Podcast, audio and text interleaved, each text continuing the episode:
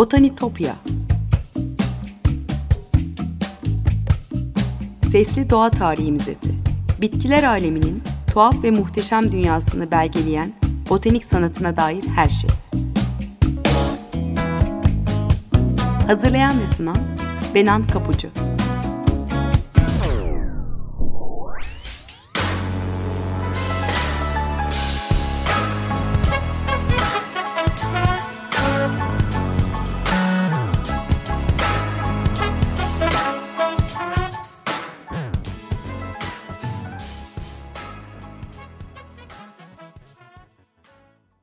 Merhaba sevgili Açık Radyo dinleyicileri. Botanitopya'ya, bitkiler aleminin tuhaf ve muhteşem dünyasına hoş geldiniz. Anlatıcınız ben Benan Kapucu. Yeni yılın bu ilk günlerinde doğayla, dünyayla, hayvanlarla, tüm canlılarla olan ilişkimizde barışın hüküm sürdüğü bir yıl diliyorum. Ee, savaş tamtamları e, çalarken umutlarımızı tazelemekten başka bir yol görünmüyor. Botanitopya.gmail.com elektronik posta adresim. Aynı adlı Twitter ve Instagram hesaplarımda var. Takipte kalırsanız çok mutlu olurum.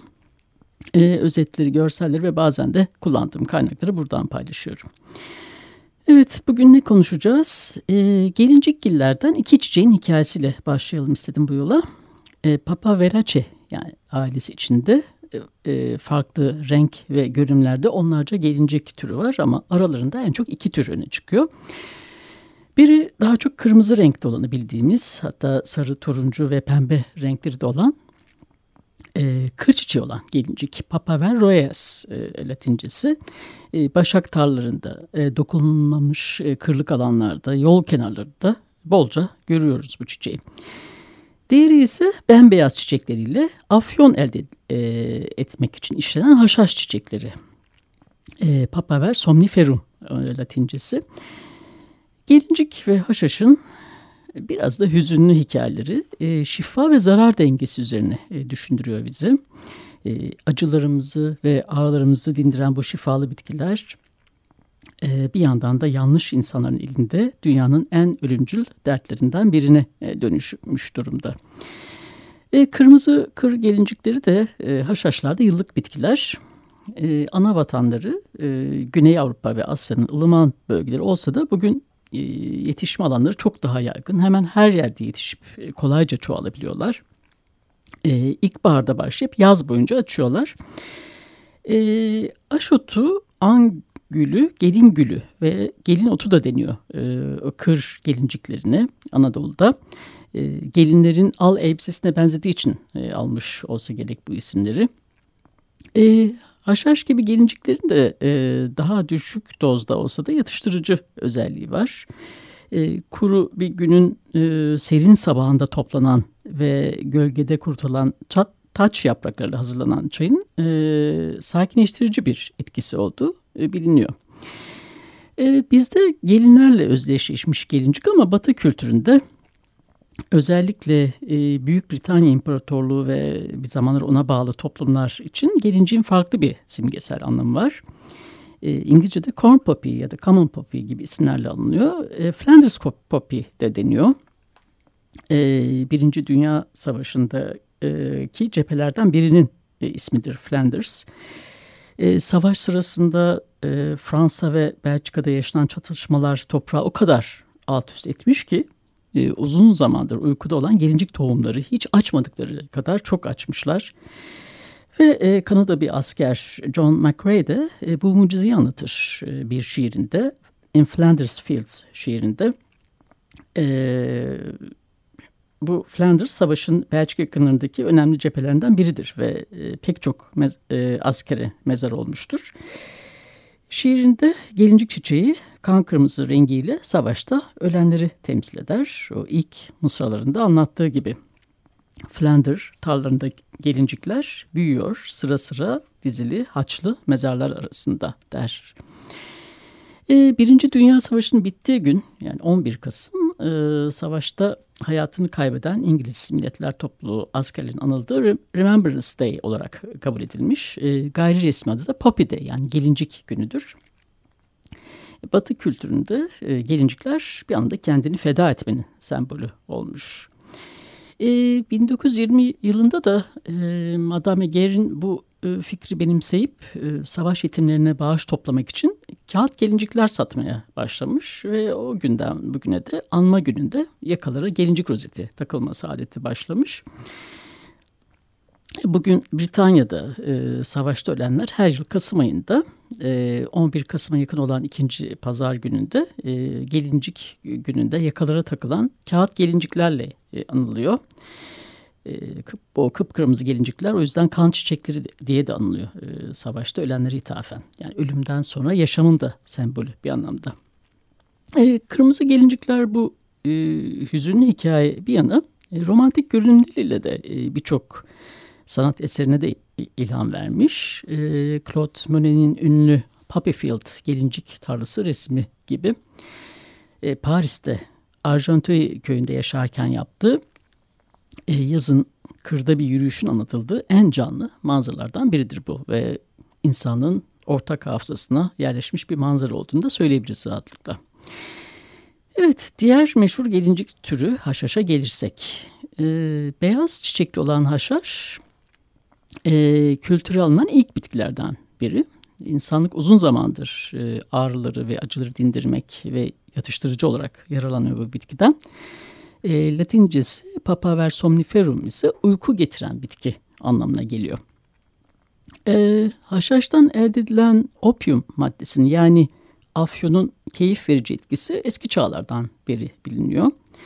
E, gelincik sütü de e, yüzyıllardır her hastalık için bilfil e, reçete olarak verilmiş ama haşhaşın e, etken madde açısından kimyasal gücü elbette gelincikten çok daha fazla e, beyaz öz suyunda yüksek oranda uyuşturucu madde var. E, dünyanın en önemli ilaçlarından e, kodein ve morfin de e, haşhaş bitkisinden elde ediliyor. E, şifa ve zarar dengesi demiştik. Bu özelliği e, haşhaşı eczacılıkta elbette e, önemli bir yere koyuyor ama yasa dışı uyuşturucu ticaretinin ana ham maddesi olduğu gerçeği de var. E, haşhaşın şifa verici bir bitki olarak ne zaman yetiştirilmeye başladığına bakarsak e, ilk kayıt Mezopotamya'ya e, milattan önce 3400 yıllarına Sümer uygarlığına dek uzanıyor. E, Sümerler haşhaş ekmeye başlamışlar. E, Nipur'da bulunan kil tabletlerde haşhaş mutluluk verici bitki e, hulgil olarak e, tanımlanmış. E, hem rahatlamak e, hem de baş ve mide ağrılarını dindirmek için haşhaş kullanmış e, Sümerler. Ardından bu şifa bilgisi e, komşu kültür ve uygarlıklara da hızla yayılmış. E, Asurlara, e, Babillere ve Mısırlara geçmiş. E, Asur kayıtlarında haşhaş suyunun faydalarından, bu suyun yaraları olan, ağrı çeken hastalara ne kadar iyi geldiğinden bahsediliyor. E, giderek talep artmaya başlamış. E, Suriye ve eski Mısır'dan başlayarak kıtalar arası e, ticareti de yapılmaya başlamış. E, 1870 yılında e, Mısır'ın Tep kentinde e, antik Mısır uzmanı e, George Morris Ebers e, çıkardığı bir mumyanın kucağında e, e, daha sonra kendi adını verilecek bir papirüsü de bulmuştur. Bu papirüste e, başka şifalı bir e, bitkilerle birlikte haşhaşın da faydalarından e, özellikle de e, ağlayan çocukları susturmak e, ve yatıştırmak amaçlı kullanabileceğinden de e, bahseder. E, 1500'lerin sonunda e, Venedikli doktor ve botanikçi Prospero Alpini de e, eski Mısırların afyon kullandığını söylüyordu. E, onun verdiği tarife göre Mısırlılar afyonu karabiber ve diğer e, aromatik, aromatik otlarla e, karıştırarak bir çeşit şarap halinde e, tüketirlermiş. Evet sevgili dinleyiciler bir müzik arası verilmiş şimdi. E, hala yeni yıl ruhundayken Bach'ın e, Christmas Oratorosunu dinleyelim. E, bir iki dakika sonra tekrar beraber olacağız. Müzik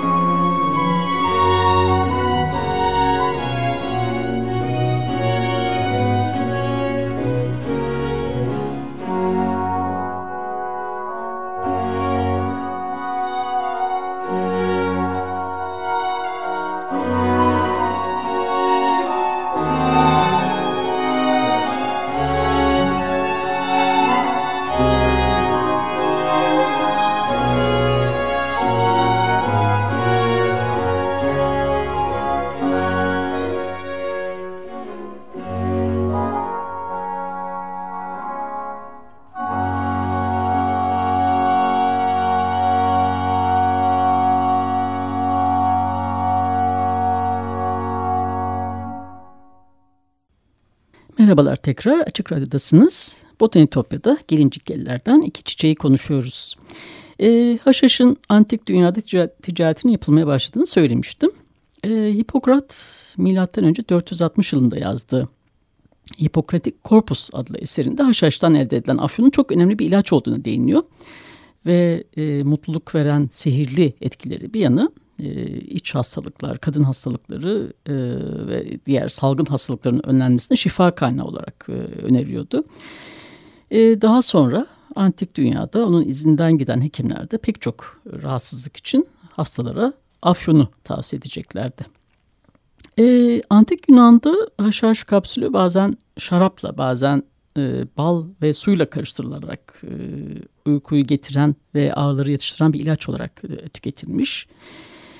Gelinciğin İngilizce'deki papi kelimesinin kökünü oluşturan Yunanca opium da e, antik Yunan'dan geliyor.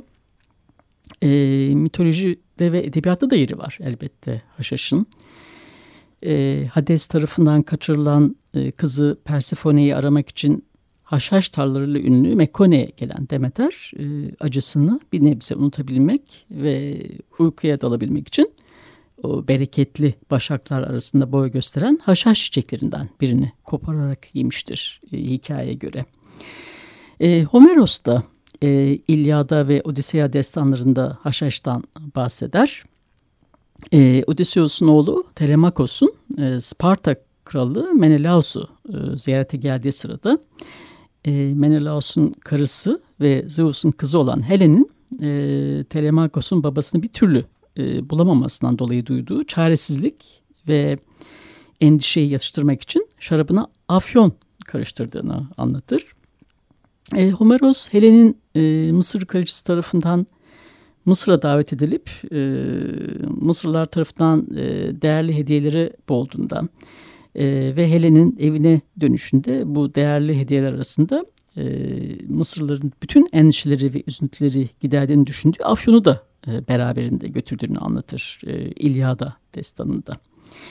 E, Antik Roma'da Neron dahil pek çok imparatorun Afyon'la cinayet işlediğini, e, İmparator e, Marcus Aurelius'in de düzenli olarak Afyon kullandığına dair söylenceler var. İmparatorun hekimi e, Bergamalı Galenos, Aurelius'in hem afyon dozajını hem de onun hükümranlığını, iradesini kontrol altında tutuyordu. E, milattan önce 3. yüzyıldan itibaren Orta Anadolu'da Hititlerde de haşhaş ekimi yapılıyormuş. E, Hattuşa'da bulunan kil tabletlerde e, haşhaş üretimi hakkında ayrıntılı bilgiler var.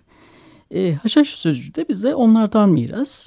Hititçe'de uyumak ve teskin olmak anlamına geliyor. Haşika e, bu dilimize haşhaş olarak yerleşmiş.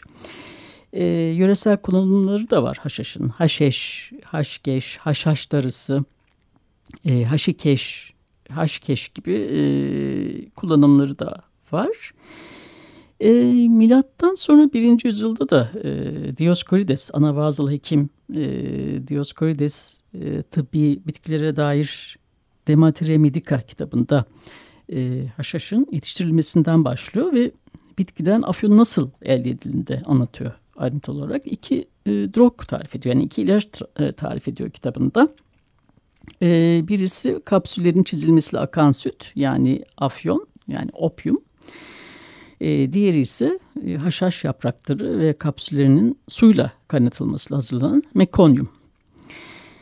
E, Haşhaş daha sonra İran'a ve Hindistan'a da Büyük İskender'in fetihleriyle ulaşmış. E, 6. ve 7. yüzyıllarda da Arap tüccarlar tarafından Çin'e getirildi ve e, Çin'in uzunca bir süre afyonu kısıtlı bir miktarda sadece ilaç için e, kullandığı e, biliniyor. E, Çinliler afyonu Arapça afyona benzer bir şekilde ofuyung diye adlandırmışlar ve, ve dizanteri ve kolera gibi hastalıkların tedavisinde de kullanmışlar.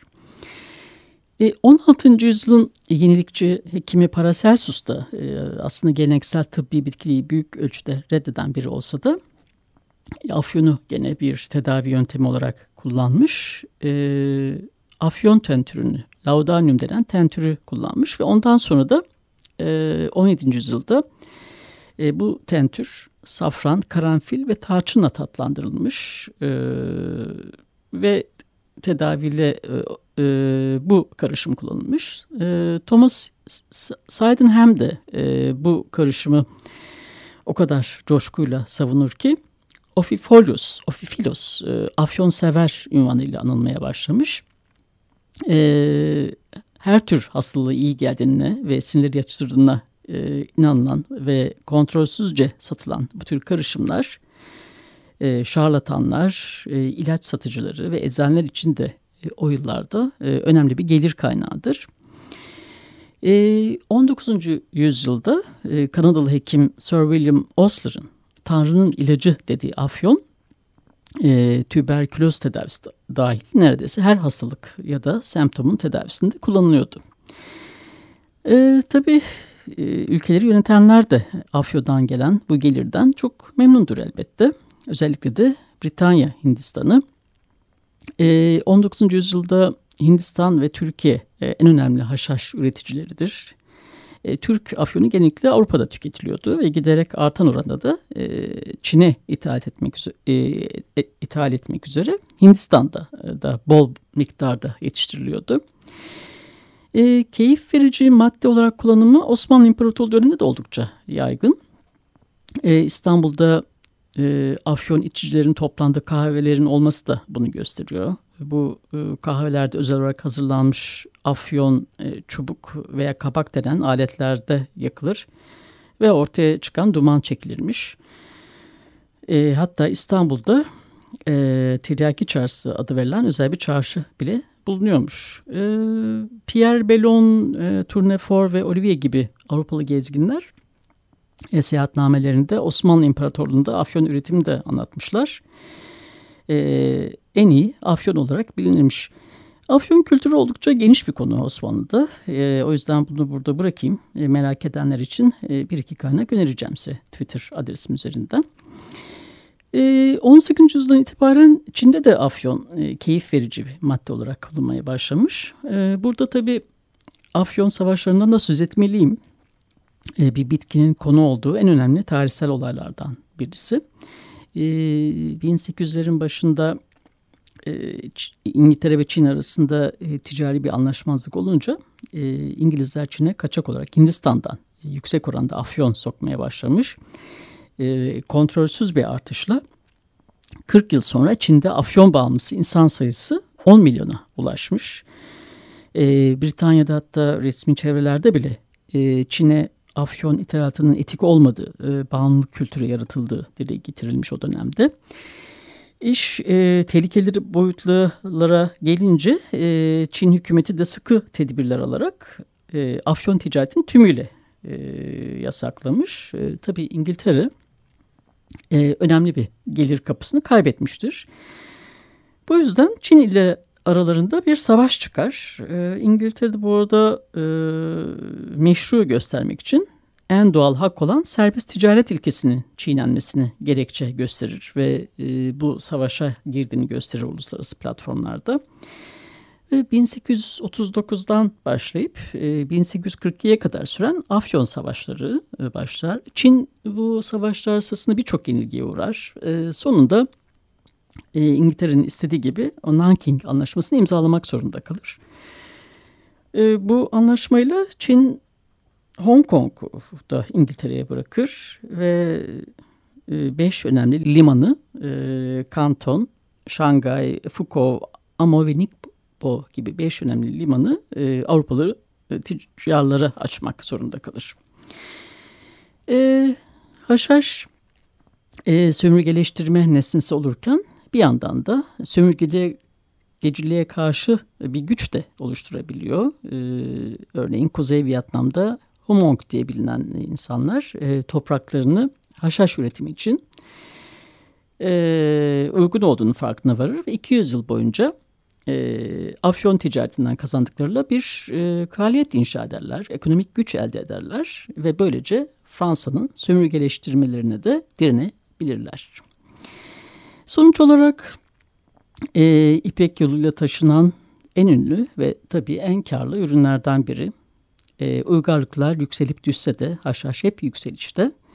E, kırları donatan romantik kırmızı, sarı gelincikler ya da acılarımızı dindiren haşhaş çiçekleri yani gelinciklilerin bu iki üyesi şifa ve zarar arasındaki dengenin ne kadar hassas olabileceğini de bize gösteriyor. E, uyuşturucu pazarı bugün dünyanın en önemli sorunlarından biri ve çözüm şöyle dursun artan bir hızla büyümeye devam ediyor. Trajik bir durum. E, bu pazarı besleyen en büyük kaynakta e, bugün dünyada en fazla uyuşturucunun üretildiği Afganistan'ın uçsuz bucaksız haşhaş tarlaları ve Kolombiya'da pazarda önemli rol oynuyor. E, gelincik şüphesiz tarihimizin en popüler çiçeği e, gelincikler olmasaydı birçok tıbbi gelişme de olmazdı. Tutkuları, empatiyi, üzüntüyü ve umudu da yüzyıldır canlı tutmaya devam ediyor. Evet sevgili Açık Radyo dinleyicileri bugün gelinciklere ait iki çiçekten bahsettik. Kır gelinciklerinden ve haşhaş çiçeklerinden. Botanitopya'daki keşif yolculuğumuz da bu hafta buraya kadar olsun. E, program destekçilerim de gönülden teşekkürlerimi ileteyim buradan. Bir daha görüşünceye dek sevgiyle ve doğayla kalın.